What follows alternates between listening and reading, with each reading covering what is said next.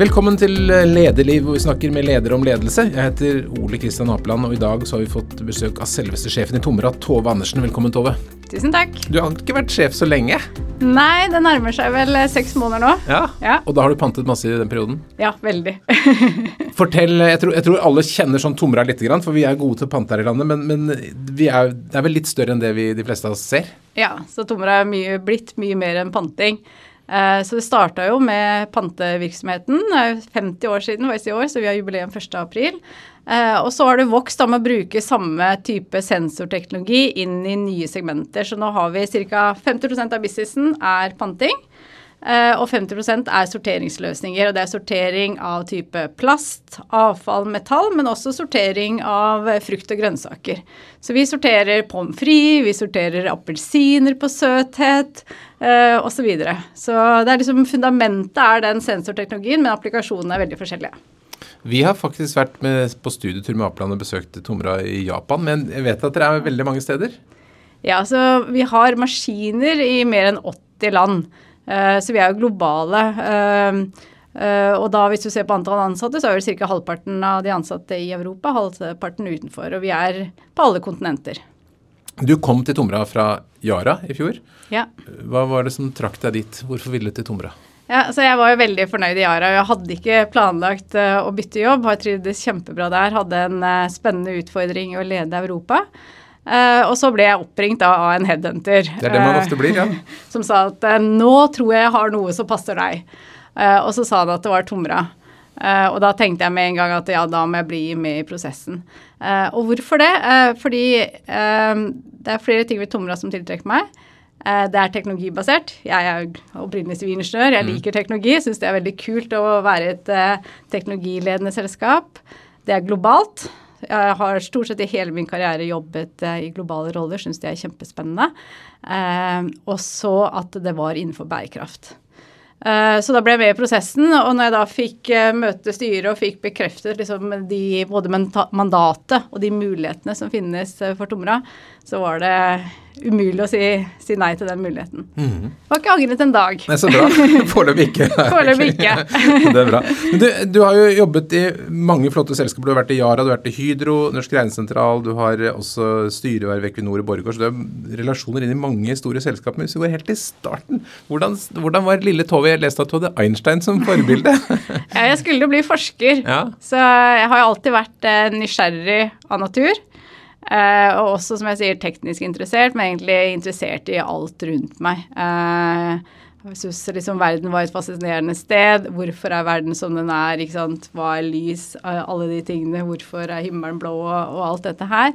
Eh, så, så jeg ønsket å bli forsker. Jeg skulle, eh, og hadde da type Newton og Einstein som liksom eh, de jeg målte meg mot. Jeg ønsket å bli en forsker som skulle finne opp noe helt nytt i verden som kom til å være revolusjonerende og bidra til noe nytt. Eh, så derfor studerte jeg jo fysikk og matte i Trondheim. Men også havnet du på Norsk Regnesentral, og det var vel litt sånn forskeraktig, var det ikke det? Jo, eh, men så via studiene mine i Trondheim da, så, så møter du en del av professorene, du ser hva de forsker på, du får litt mer innsikt i hvilken tålmodighet det krever å være forsker, men også sannsynligheten for at du virkelig skulle finne opp noe revolusjonerende. Så via studiene så forsto jeg nok at det, det var nok ikke forsker jeg skulle bli allikevel, men jeg tenkte at jeg må prøve det. Så når jeg var ferdig med studiene, så jobbet jeg da på Norsk Regnesentral som forsker. Og da hadde faktisk, da hadde faktisk Norsk Regnesentral et eh, prosjekt for Tomra på sensorteknologi og algoritmene rundt Tomra. Jobbet du med det da? Eh, nei, men jeg i teamet mitt gjorde det. Mm, jeg vet at de jobber i dag også med å beregne ting for, for Infinitum som driver Ja. panteordning, for det har vi fått hørt på, på en tidligere ledelig episode. Men, men hva var det som gjorde at du tenkte at du skulle ut fra eh, forskerverdenen og ut i, i virkeligheten, ut i næringslivet? Nei, så det var delvis dette at jeg er utålmodig og ønsker å se resultater fort. Mm. Så jeg tenkte jeg må inn i et miljø hvor jeg kan eh, se resultater av det jeg gjør. Eh, Og så er jeg veldig glad i mennesker. Eh, Så det å sitte sånn som jeg jobbet da som forsker innenfor eh, statistisk modellering etc., så er det jo mye å sitte alene, lage modeller, programmere. Eh, At jeg hadde nok behov for eh, litt mer mennesker eh, og kontakt med mennesker rundt meg enn det jeg hadde da. Så da bestemte jeg meg for at jeg ønsket å bytte, og så tok jeg en MBA. Mm. Og så begynte jeg som trainee i Hydro. Og så har du hatt en ganske spennende reise derfra. Ja, så jeg, vært, eh, jeg, ble, var jo 24 år da, i Hydro og Yara-systemet. Begynte som trainee, ble flyttet rundt i organisasjonen. Eh, så jeg har eh, bodd i Sverige, i Belgia, jeg bodd i England. Uh, og jeg har jobbet egentlig i alle funksjoner i selskapet. Uh, fra at jeg begynte i finans og økonomi, gikk over i forretningsutvikling, strategi. Har hatt uh, landansvar med PNL, har hatt ansvar for supply chain, produksjon, globalt IT. ja, for dere som ser på scenen, Du har vært på ganske mange deler. Mange forskjellige funksjoner i bedriftene. Ja, og det er jo litt fordel med å jobbe i et stort konsern. At det er lettere å bytte fra funksjon til funksjon. Folk blir kjent med deg, ser hva du kan levere, og da tør de å satse på deg også i andre typer roller. Men når begynte du å se på deg selv som en leder? Når skjønte du at det var det du ville? Jeg tror nok ganske tidlig når jeg begynte i Hydro mm. uh, at jeg ønsket å bli leder. For da så jeg, når jeg ble kjent med organisasjonen, så så jeg rundt og tenkte jeg det å være business unit manager, mm. det så gøy ut. For da hadde du totalansvaret sånn som det var satt opp den gangen. Uh, alt fra liksom produksjon til kundebiten. Så det kom nok ganske tidlig da at det var det jeg hadde lyst til å bli. Gjorde du noe for å få ansvar? Ja, så jeg var vel alltid tydelig på at jeg var ambisiøs. Uh, pluss at det viktigste er alltid å levere der du er. Mm. Så du på en måte meldte deg at du var interessert i større utfordringer? Ja. ja. Og hva var de tidligste erfaringene når du begynte å få ansvar for andre mennesker? Hvordan opplevde du det? Altså Første gangen var eh, det var i 2005, tenker jeg. Så jeg var vel 34 år da jeg fikk det. Da fikk jeg, ble jeg forfremmet i mitt eh, eget team. Jeg fikk ansvar på et team på en 10-15, som var et sånn globalt markedsføringsproduktlederteam. markedsføringsproktlederteam. Uh, og det husker jeg var ganske vanskelig, det å gå fra å være Og vi var et veldig tett og knytta team, ikke sant. Mm. var mye sosiale sammen, og så skulle jeg gå fra å være det til, til å bli leder. Så det syns jeg faktisk var Du skulle lede de samme som du jobbet ja, sammen med? Ja. ja. Mm. At det var en veldig vanskelig overgang, syns jeg. Uh, å, å, finne den uh, rollen der. Men den første store rollen fikk jeg da et år etter, hvor jeg da ble business unit manager for UK og Irland. og flyttet dit med familien. Var det så stas som du hadde tenkt deg? Både òg. så det var eh, Da fikk jeg ikke sant, eh, Jeg var 35 år, flyttet med familien til England. Eh, fikk ansvar for tre små fabrikker, alt salg og markedsføring, en omsetning på 400 millioner pund. Og det var jo veldig ensomt, ikke sant. Så, så det var kanskje det, den største utfordringen. Kom inn der som ung jente i et team hvor det stort sett var menn nærmere 50 som rapporterte meg, og som alle hadde 20-30 års erfaring mm. fra det samme. Men det var kjempespennende også, eh, og jeg lærte så utrolig mye. Og jeg, jeg tror jeg var så annerledes for de at de tok meg veldig godt imot, syns jeg. Og i ettertid det de sa, var jo at jeg, siden jeg kom inn på en måte hvor jeg ønsket å bruke de og lære av de og inkludere de i de tingene vi skulle gjøre, så fungerte det faktisk bra. Mm. Så hvordan håndterte du det, at de var så mye mer erfarne enn deg? Nei, så jeg, jeg, har jo veldig Egentlig en inkluderende stil, vil jeg si. Jeg har jo ingen tro på ledere eh, som vet alt og kan alt. Eh, I dagens eh, samfunn med komplekse problemstillinger, ting endrer seg fort, så tror jeg den der gamle, tradisjonelle lederen som sitter og bestemmer på toppen, er utdatert. Mm. Du må bruke organisasjonen. Uh, og når jeg kom inn, så var jeg veldig lyttende, men også er jeg veldig tydelig når jeg først har bestemt meg. Så det er liksom den blandingen der at de vet at jeg lytter og hører, og kan gjerne endre mening. Eh, men også når jeg har bestemt meg om noe, så er jeg veldig tydelig. Tenker du det er lettere å komme inn på den måten i en eh, norsk bedrift enn det ville vært en internasjonal bedrift? Er vi flatere? Er det enklere eller enn andre? Ja, jeg tror det. Mm. Så for når jeg dro til UK, så var jo Altså, jeg var jo den eneste utlendingen også. så de var jo bare briter, mm mm. eh, alle sammen. Eh, og selvfølgelig så har de en annen kultur, litt mer hierarkisk kultur. Eh, også det med å ha åpne diskusjoner var de uvant med. Så hvis jeg f.eks. kom med mine meninger først, ville de ikke si imot meg, men det kan hende de var uenige. I Norge så ville man sagt imot meg. Mm. Så at jeg måtte tilpasse litt stilen til å sørge for at hvis vi skulle ha en ordentlig diskusjon, så måtte jeg fasilitere det på en annen måte hvis de skulle tørre å komme med hva de mente. Mm. Du hadde, du hadde hatt um, Einstein da, som forskerforbund. Fikk du deg et nytt lederforbilde? Er det noen spesielle ledere som du har sett opp til som har inspirert deg? Jeg har vært heldig med uh, veldig mange av lederne jeg har hatt uh, selv. Så jeg har uh, i Hydro Yara-systemet så har jeg alltid hatt mannlige ledere som har støttet meg. Mm. Og det er på en måte elementer uh, av de ulike lederne. Uh, jeg synes når jeg begynte, eller Rett etter jeg begynte i Hydro, så kom jo Torleif Enger inn uh, og tok over Hydro Agri, som jeg syns var ekstremt inspirerende. og lærte masse av å se hvordan han håndterte det, og hele snuoperasjonen. Jeg fikk lov til å være med i det turnaround-prosjektet som kjørte. så det med å liksom motivere og engasjere organisasjonen lærte jeg mye av han. Jeg hadde en annen, lærer, en annen leder eh, en lang periode som heter Terje Knutsen, som var veldig flink til å plukke de rette menneskene til de rette stillingene og bygge team. Eh, så også lærte mye av han, og andre ting jeg har plukket opp eh, mm. underveis. Siste lederen min i i var jo Svein Tore Holsæter, som også jeg synes har vært veldig flink til det å spotte talenter og tørre å ta sjanser på talenter inn i viktige stillinger. Mm. Vi kjenner Yara godt som eh, fordi vi i så måler vi omdømmet til Yara, har gjort det lenge. og Det vi ser er jo at folk eh, har begynt å uh, blitt mer kjent med selskapet. Det har blitt mer populært i den norske befolkningen sånn over tid. og Det har vel noe med kommunikasjon å gjøre at dere har, har vært Jeg sier dere, du er ikke der nå, men du var der. Ble mer utadrettet etter hvert og flinke til å fortelle om, om, hva selskapet faktisk gjorde? Ja, så det var nok en periode hvor man var mer opptatt av vekst utenfor Norge og ikke fokuserte så mye om omdømmet sitt i Norge. Uh, så vi følte jo at vi var uh, virkelig underkommunisert, og at folk ikke visste spennende, hvilken spennende organisasjon det var, og hvilke spennende muligheter det kunne være. Uh, både for potensielt folk å begynne å jobbe der, men også for partnere og ulike prosjekter. Så derfor var det viktig å jobbe, og det var en av de tingene Svein Tore Holsæter tok tak i når han kom inn. Eh, å jobbe med eh, å øke omdømmet til eh, Yara, både i Norge, men også internasjonalt mot type matvareselskaper etc., for mm. å skape da muligheter. Ja, Dere investerte en del i reklamefilm og litt av hvert. Hvilken effekt hadde det internt når, når det at dere begynte å bli litt mer kjent og kanskje anerkjent ute? Ja, jeg tror det er veldig viktig, fordi jeg tror de fleste har lyst til å jobbe for et sted de er stolte av. Uh, og da hvis andre kjenner selskapet eller snakker om selskapet, uh, så gjør det jo det noe med en. Så, mm. så, det føler jeg er viktig både for å bygge stoltheten, men også for å tiltrekke nye talenter. Men så må vi gå til Tomra, da. Ja. dette store skiftet. Det, det, er jo, du har vært lenge i et system, og så kommer du over et helt nytt system. Hvordan, hvordan startet du? Hva gjorde du første dagen på jobb når du kom i Tomra?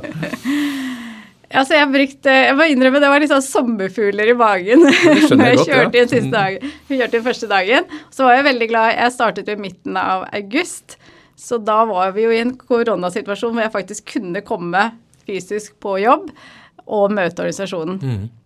Eh, så, så, og, det har det egentlig brukt hele høsten til eh, å møte så mange jeg kunne eh, så fort som mulig, og prøve å lære så mye så raskt som mulig. Så eh, jeg møtte selvfølgelig alle eh, på kontoret i Asker, men jeg også besøkte produksjonen vår i Lier. Vi har også panteorganisasjonen også for Norge er også i Lier. Besøkte de, men jeg har også reist rundt hovedsakelig da i Europa og i Nord-Amerika. Mm. Så jeg har møtt ganske mange hundre tommeransatte allerede. Mye å lære? Ja, det, det, er mye å lære, men uh, jeg, jeg syns uh, jeg har vært veldig flinke. De har tatt veldig godt imot meg. Vært veldig flinke til å få meg oppe og gå raskt. Uh, og der, så sånn sett syns jeg det er en ganske oversiktlig business å få forståelse for. men det som har vært også veldig spennende å lære om, er på en måte hele konteksten rundt oss. Dette rundt resirkulering hva, hva, er det som egentlig skjer i dag, hva er mulighetsrommet framover. Og det har kanskje vært en av de største overraskelsene etter jeg begynte, er liksom å se hvor Jeg hadde kanskje trodd vi hadde kommet lenger mm. enn det vi har. Hvor lite som fortsatt sant, eh, resirkuleres. Eh, og hvor stort f.eks. spesielt da plastproblematikken fortsatt er. Mm. I Norge er vi gode i hvert fall på panting, da. Veldig gode. Mm. Så vi er jo liksom eh, i verdenstoppen. Der kanskje Tyskland slår oss vel, kanskje. Men ellers er vi, så i Norge så er det jo over 90% som eh, blir returnert på mm. Men du har jo da eh, fått jobben for å gjøre noe, antagelig. Hva er det, styret styret vil ha bestilt fra deg? Ja, så, så tar jeg over et selskap som går veldig bra. Mm. Eh, og det er et privilegium. Mm. Eh, selskapet har levert god vekst eh, over lengre tid. Vi er lønnsomme, vi har en solid finansiell situasjon. Så dette er helt klart ikke noe turnaround-case. Dette er å bygge på det vi har. Bygge på den posisjonen vi har, bygge på den teknologien vi har, og hvordan skape ytterligere vekst. Så det er jo det jeg kommer inn med, er et vekstmandat fra styret. Uh, og da er det å se på de områdene vi er i i dag. Uh, på pant, hvordan kan vi vokse det framover? På resirkulering, hvordan kan vi vokse det? På matvaresegmentet, hvordan vi kan vokse det? Men også se på andre, om det er andre områder. Så når vi ser på den kompetansen vi har innenfor sirkulær økonomi, uh, og alt som skjer der i dag, hvilke andre områder er det Tomra kan spille en rolle? for da å vokse selskapet mer. Men ble det sånn at da når du kom inn på hovedkontoret, så første uken så utbasen nå skal gjøre sånn og sånn og sånn, eller, eller hvor liksom lenge venter du før du, begynner, du må se og lære sånn? Når er tidspunktet for å si 'dette gjør vi'? Ja. Altså fra å gå fra research til handling. Uh, og det er alltid litt sånn situasjonsavhengig, men her hvor jeg kom inn i et selskap som fungerer bra, så har du tid. Mm. Da har du tid til å sette deg inn i ting, og jeg mener at du bør bruke den tiden. For du kan fort gjøre beslutninger tidligere som ødelegger verdi også, som fjerner verdi. Eh, det er noe annerledes hvis man kommer inn i et uh, selskap som har problemer. Da må man agere mye raskere. Så da har jeg vært i litt sånn privilegert situasjon. Jeg kommuniserte veldig tidlig at jeg skulle bruke tid mm. til å sette meg inn i selskapet for å skape de rette forventningene og hvorfor jeg skulle gjøre det. Uh, og så er det vanskelig å ikke være utålmodig. Det er vanskelig å være tålmodig. Uh, og så er det noen ting jeg så som uh, jeg tok tak i med en gang, som jeg tenkte at det, det, må vi ta tak i. Det er litt rundt hvordan vi jobber med sikkerhet. det er noe rundt litt Vi har ikke per i dag f.eks. et net zero-mål på klima. Så var det noen sånne ting som jeg mente var opplagte vi må mhm. jobbe med, så de tok jeg tak i med en gang. og på andre ting har jeg ventet. Men det er jo en utrolig mange vanskelige valg. for det, liksom, Hvor skal man satse geografisk, hvilke produkter skal man satse på? Altså, hvordan strukturerer du alt dette? Ja, og, det er kanskje den største utfordringen vår. Og det er jo litt sånn luksusutfordring, men det er rett og slett å prioritere vekstmulighetene. Fordi vi har innenfor hver divisjon har mye organisk vekstmuligheter. Eh, og hvis du da ser begynner å se på alle materialstrømmer i verden. Mm. Eh, du ser på klimamålene, eh, hva som må gjøres på det. Du ser hva alle industrier ser på nå. Hvordan kan de resyklere mer, ha mer resyklert innhold. Så er utfallet, eh, eller utfallsrommet er stort da, på hva, hva, du kan satse på.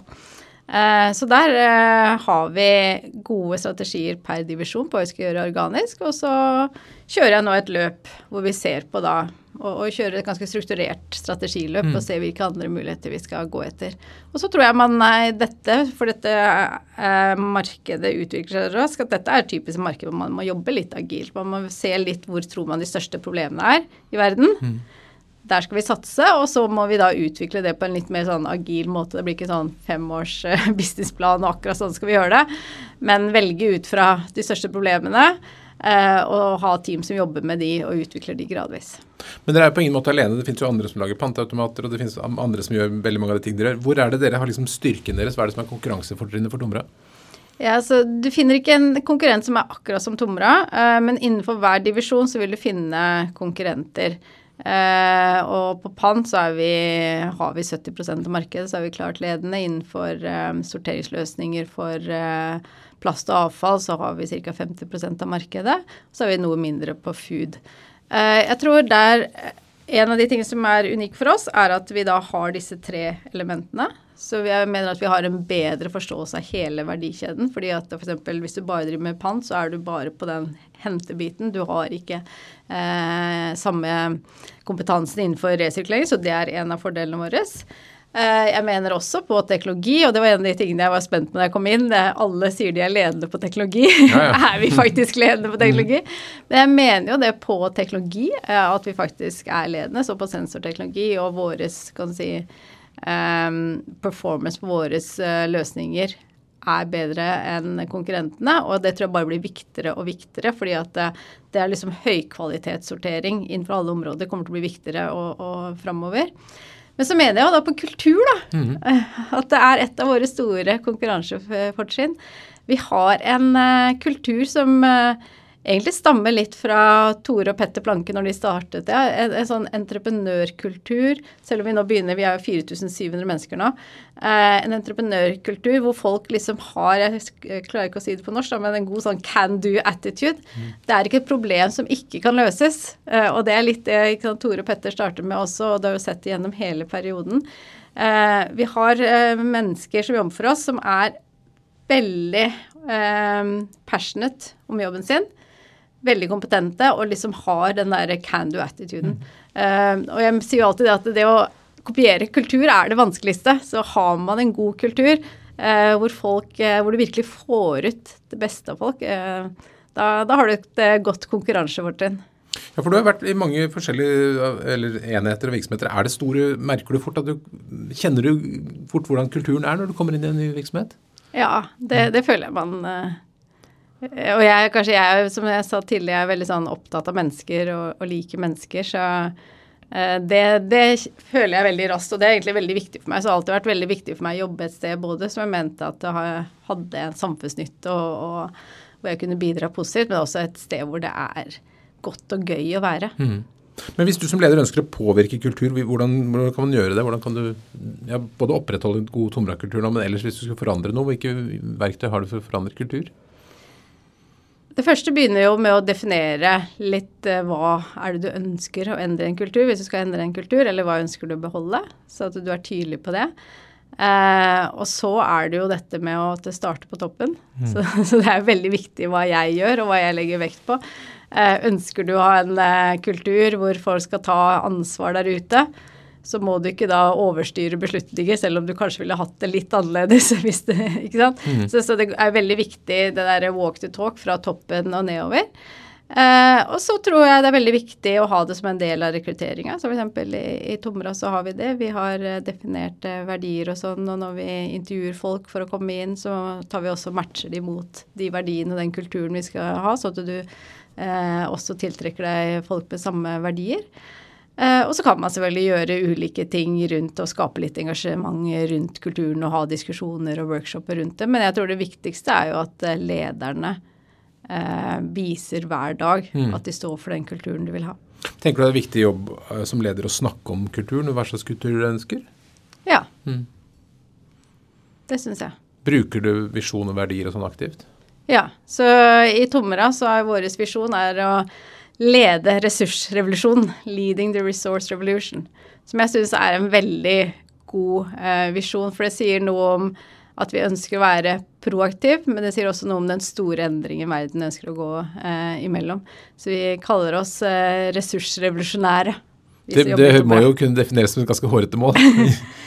ja, men vi føler at vi virkelig er med på å gjøre det. Uh, Uh, og, og, vi jobber nå sant, med hele, hele verdikjøren. Vi jobber med myndigheter. Vi, vi, jobber med å spre den kunnskapen vi har. Uh, det er gjort studier. Hvis man bare rullet ut eksisterende teknologi på hvordan vi håndterer søppel, uh, bare eksisterende teknologi, i hele verden så kunne man spart nesten 3 milliarder tonn CO2 årlig. Uh, og det er det som er liksom den frustrerende biten av dette, at det mm. går ikke fort nok. Så det er jo en av den rollene vi ønsker å spille, er liksom å få disse meldingene ut, jobbe med verdikjeden for å få det til å skje. Og hvorfor skjer det ikke? Hva er barrierene? Det er jo det at man må uh, ha samarbeid. Altså jeg tror mye av det er jo dette samarbeid på på verdikjeder. Det er nye forretningsmodeller. De må komme, de er ikke der. Det er ikke bare å vokse eksisterende eh, forretningsmodeller, man må skape de nye forretningsmodeller eh, i dag. ikke sant? Så selv om vi, sånn som i Norge, så sorterer vi jo plast eh, eh, i egen pose, så, men selv om vi gjør det, så havner ca. 50% av plasten ikke sant, i restavfall. Mm. Uh, og dette er sånn der i, i hele vestlig verden. Og det forbrenner stort sett, eller det eh, havner på søppeldynger. Eh, det som bør skje, er jo at man bør sortere ut den plasten. Også fordi når du lager plast, så bruker du CO2. Brenner du plast, så får mm. du CO2. Ikke at Du bør sortere ut den og få den resirkulert. Men det er en ny business, det er en ny mm. verdikjede som må skapes. Uh, og det er det som tar tid, da, er å få disse nye forretningsmodellene på plass. Og Du nevnte sensorteknologi. altså Er det det som på en måte er kjernen i Tomra? Det at dere har systemer for å kjenne igjen ulike ting? Ja. Så i alle, alle våre uh, maskiner uh, er det sensorteknologi. Så i en pantemaskin sant, så leser vi strekkoder, men vi også kan, veier de, vi sjekker form etc. Uh, eh, hvis du ser på type sorteringsløsningene vi har for avfall, så er det typisk kommer det f.eks. søppel på et samlebånd. Og så har vi sensorer som leser ikke sant? er det papir, er det noe organisk, er det plast? Og så har du enten mekanisk eller sånne luftventiler som skyter ut eh, de ulike delene, sånn at det blir sortert. Og så, så kommer det inn liksom mixed waste, og så går du ut da med plast her, papir her, og vi kan egentlig sortere alt. Du kan sortere også metaller, ikke sant, aluminium fra jern og alt dette her. Eh, og, og på eh, frukt og grønnsaker så er det veldig mye det samme. At det typisk frukten kommer f.eks. Jeg bare besøkte en sånn mandelprosesseringsenhet. Det kommer masse mandler på et samlebånd, og så leser du med sensorer. Du kan lese farge, du kan lese form etc., og så sorterer du basert på det. Har vi slike anlegg i Norge?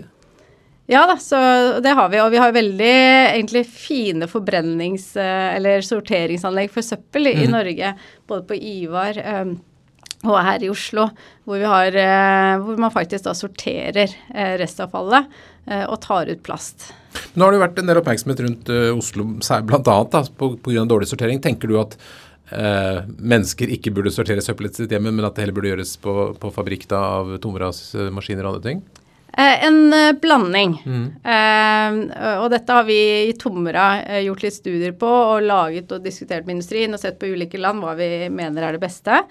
Så det beste er f.eks. Pant, panting er veldig bra, fordi at det som skjer da, er at du for det første forsøpler du ikke, og så får du ren kan du si, PET-plast, som man mm. kaller den plasten som er på plastflasker.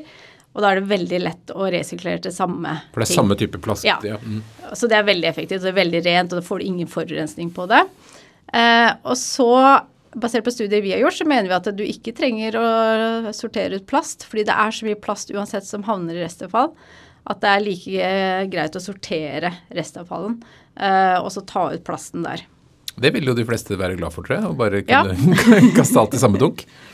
Men, Men organisk ville vi tatt ut, og selvfølgelig papir og papp og sånn er også bra å ta ut. Ja. Sånn at du ikke får for mye sånn uh, forurensning så på det. Så i din drømmeverden så er det én matavfallsdunk og en restavfallsdunk omtrent? Ja, ja, og så har du selvfølgelig glass og papir og sånn mm, utenom siden, det. Ja. Men, men, hvordan øh, Du sier du skal lede revolusjonen i verden. altså Hvordan går det? Ressursrevolusjon, ikke generell revolusjon.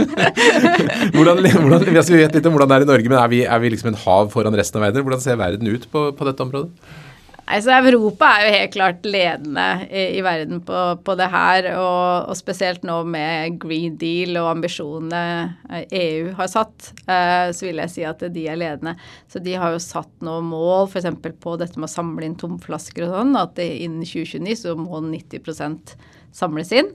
Som betyr nå at stort sett alle land som ikke har pant i Europa, ser på pant. De har også satt opp mål på resirkulert innhold og sånn. Eh, og så hvis du da kommer de som ligger etter, er jo typisk eh, en del asiatiske land og Afrika, hvor det også kan du si, hele søppelhåndteringa ligger jo langt etter eh, det vi har i vestlig verden. Og så begynner USA er vel sånn litt midt på treet. De begynner å våkne opp igjen litt. Og vi tror det kan være stort potensial der også. Mm. Jeg tror mange tror på dere. For det er mange, jeg har sett at dere er blant de selskapene hvor det er flest småaksjonærer som investerer. Det må jo være hyggelig? Ja, det er veldig hyggelig. Og et stort ansvar òg. Folk putter sparepengene sine og satser på deg. Ja, hvordan føles det? Eh, det, det, føles eh, Selvfølgelig skal man ha respekt for det, og det, det har stor respekt for det, men jeg syns jo det er et privilegium, rett og slett, å få lov til å få en jobb som dette her, og, og lede et uh, selskap som Tomra. Eh, og jeg tenker min jobb er jo å sørge for at vi eh, eh, bygger selskapet så godt som mulig, at vi skaper lønnsom vekt, og at vi skaper et selskap som skal være her liksom i 50, minimum 50 år til. Så jeg prøver å ikke fokusere så mye på det kortsiktige, men eh, mer tenke langsiktig. Mm. Hva er det du grubler mest på i jobben? Hva er, det, hva er vanskelig? Nå er jeg fortsatt litt sånn i tidlig fase, ja, ja. Så, og vi har ikke hatt noen store kriser siden jeg kom, så det har vært uh, kjekt, selv om vi har hatt noen utfordringer på supply-situasjonen som veldig mange andre på elektroniske komponenter. Mm. Men har organisasjonen håndtert veldig bra. Så det jeg grubler best på, er vekst. Eh, hvordan få til veksten. Og spesielt det med å tiltrekke oss nok dyktige mennesker. Mm. Det er egentlig min største bekymring. Eh, vi har store vekstambisjoner. Vi kommer til å trenge mange hundre tusener flere Tomra-ansatte framover. Eh, de må være flinke, dyktige. Og hvordan skal vi klare det? Eh, og i mange land så er vi små. Eh, I Norge så er vi godt kjent og har et godt rykte.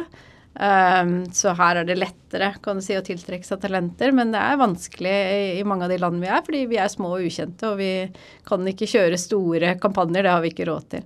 Så hvordan skal vi klare å tiltrekke oss nok mennesker? Og også hvordan skal vi klare da å beholde denne gode Tomra-kulturen når vi skal bli kanskje 50 eh, flere da over de neste årene? Men trenger man så mye mennesker, da? Det er mye man kan gjøre digitalt. Kan man ikke, kan man ikke få maskiner til å gjøre mye av dette?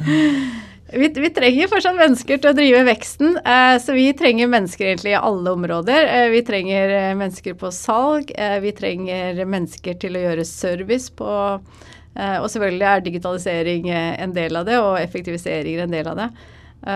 men skal man vokse mye, så må vi Det er til syvende og sist mm. mennesker som gjør jobbene. Opplever du at de unge som kommer ut i dag fra uh, teknologisk eller økonomisk utdanning, som du hadde også, da, uh, er de noe annerledes enn, da du var uh, nyutdannet og skulle ha jobb? Stiller de andre krav til arbeidslivet? Ja, jeg syns det. Jeg syns de er Jeg elsker å snakke med unge mennesker. Jeg syns det er så spennende og inspirerende. Men og Jeg snakket om at jeg var utålmodig, men jeg føler de er mye mer utålmodige.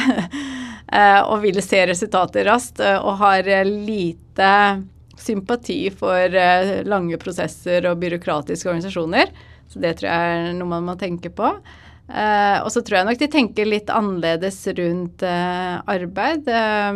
både med at det ikke nødvendigvis skal være sånn som jeg, da, som var 24 år i samme selskap, men også balanse mellom privatliv, gjøre andre ting, arbeid. Så, så fleksibilitet tror jeg er viktig. vise at de får ansvar tidlig er viktig hvis man skal klare å beholde dem. Men det er mange som har nevnt akkurat dette med den rastløsheten. At ja. unge skal, liksom, skal ha alt helst med en gang. Eh, eh, klarer man å endre organisasjonen så mye at de får det, eller må, må, de på en måte justere seg litt og kanskje tilpasse seg litt den virkeligheten som finnes? Ja, det må nok eh, liksom Man må jo tilpasse seg hverandre. Men jeg tror i Tomra så har vi litt sånn fordel, da, fordi at vi er en desentralisert organisasjon. Som jeg sa, vi har litt denne entreprenørholdningen. Eh, så det tror jeg kan liksom passe, passe ganske bra for oss og eh, dagens eh, unge mm -hmm. å, å, komme inn. I forhold til å komme til et um, konsern som er mye mer kan du si, strukturert og mye strengere prosesser. Men det kan jo bli Du snakker kultur. altså Du, du har du noen ingeniør sikkert, som er sikkert en mann som har kanskje vært i romere i 30 år, og så kommer det en ut fra skolen som er like gammel som barna som plutselig har lyst til å bli sjef på et eller annet på tre år. Altså, det, det, det, ligger noe spenn der. Ja, men jeg tenker noen av disse tingene er jo også positive for å utfordre organisasjonen uh, og dra den framover. Jeg husker uh, når jeg var sjef i UK, uh, eh, og vi fikk inn en ny salgsperson i en av regionene. Som han kom tror jeg, rett fra skolen ikke sant, og gikk og ble salgsperson.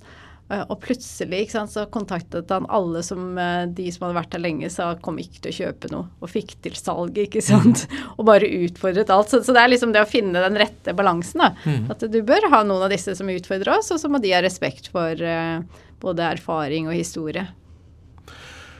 Hvilken opplevelse ønsker du at de ansatte i Tomre skal ha av deg som leder? Så jeg håper at uh, de ser på meg som en som klarer å sette en tydelig retning for selskapet. Uh, og en som klarer å motivere og inspirere uh, folk til å gå i den retningen. Uh, og så håper jeg at de ser på meg som at jeg er interessert, engasjert og tilgjengelig. Mm. Klarer du det? Alt dette? Det, det, er for tidlig å si, men jeg tror det med å være engasjert og tilgjengelig er, er, jo veldig genuint. Så det er jo det jeg har fått som tilbakemelding òg. Som sagt, jeg har reist mye rundt i organisasjonen. Uh, uh, så det er en av de tilbakemeldingene jeg har fått så langt, at det er ganske tydelig at uh, jeg syns dette er gøy og spennende, og at jeg bryr meg om hva folk gjør.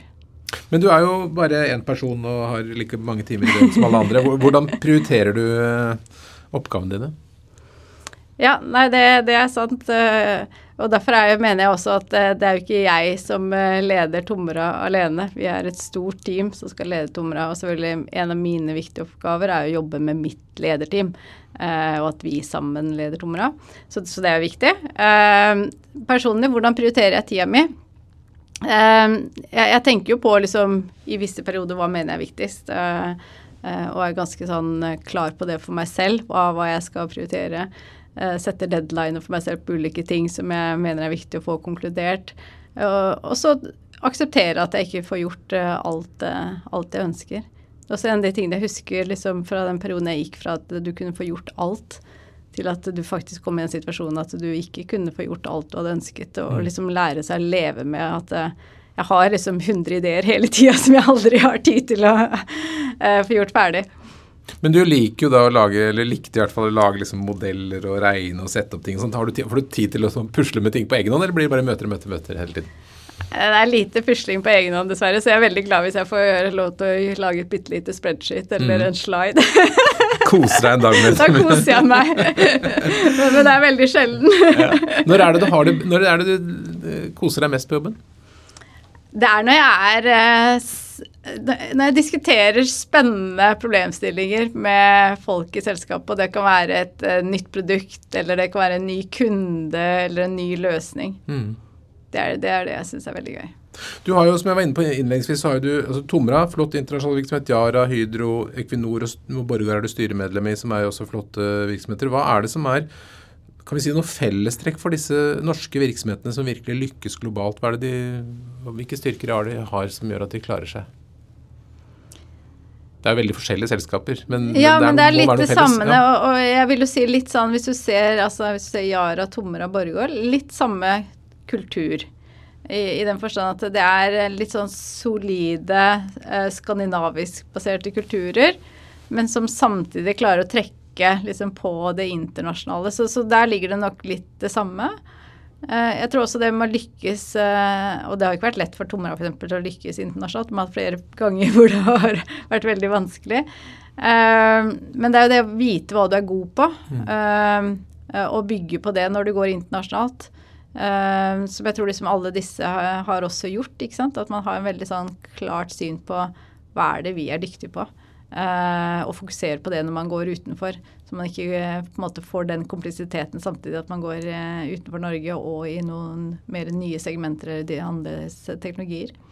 Men jeg tror også alle de liksom, selskapene er opptatt av å bygge kultur og drive kultur på tvers.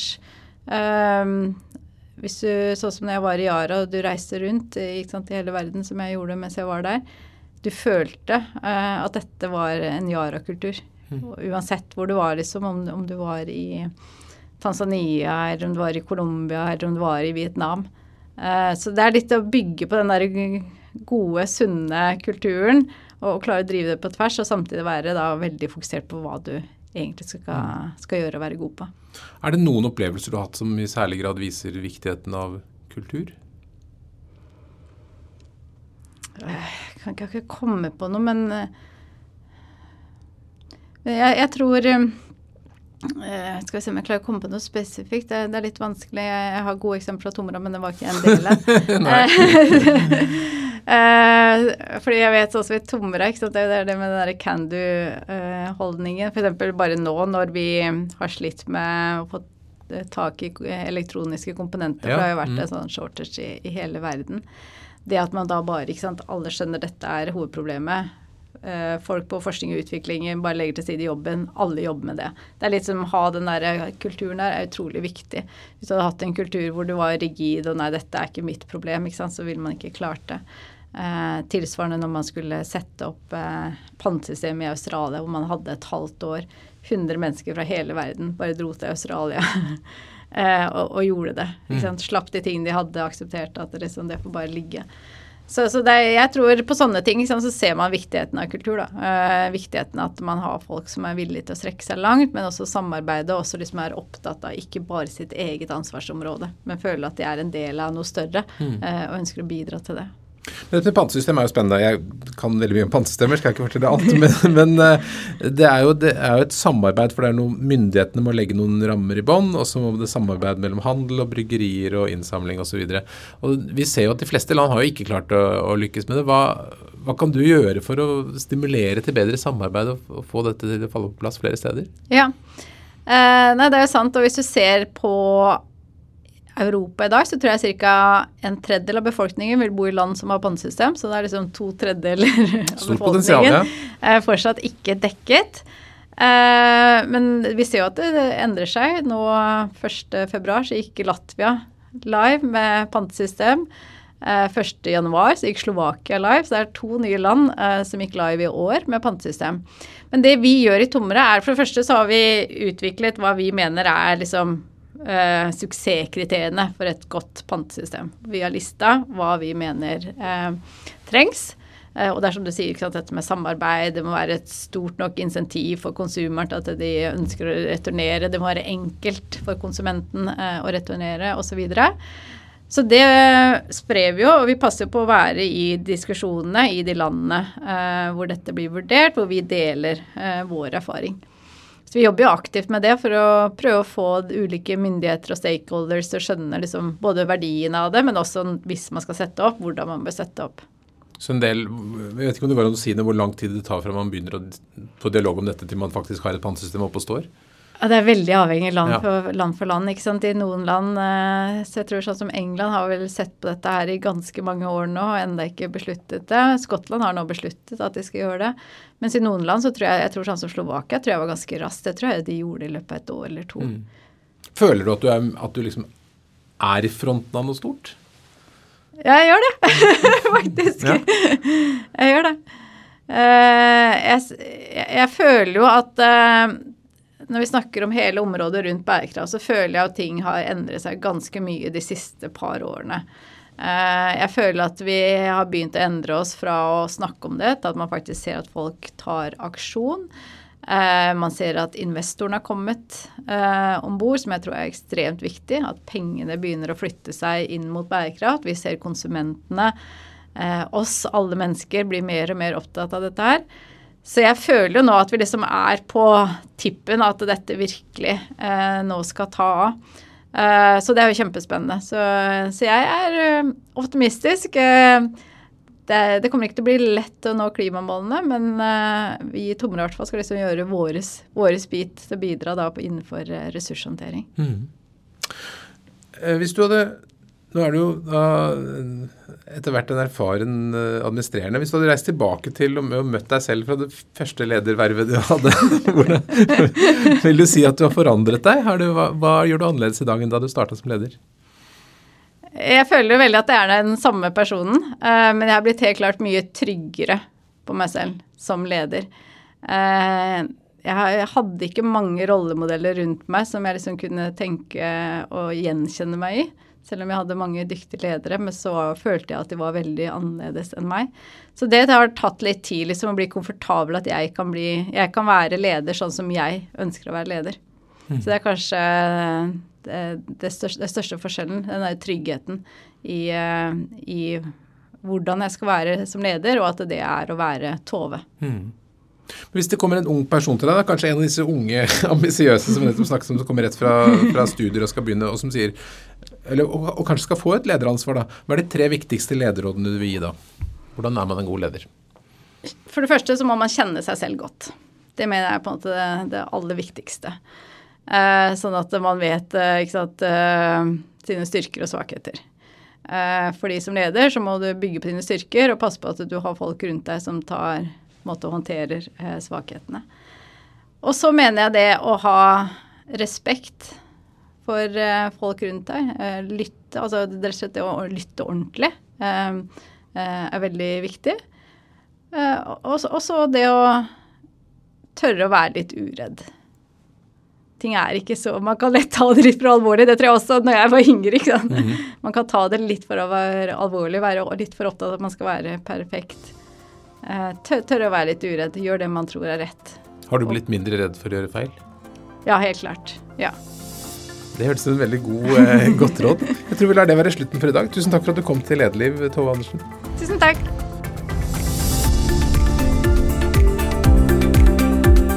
Lederliv er en podkast fra Apeland. Vi legger ut nye episoder hver fredag, og du kan trykke abonner, så får du et varsel. Redaksjonen består av Ellen Paulsen, Lars Jarle Melum, Lars Volden og meg, som heter Ole Kristian Apeland. Vi er veldig mottagelige for ros og ris på e-post til meg, ole.apeland.no. Eller du kan gi oss en stjerne der hvor du hører podkasten. Takk for at du lytter.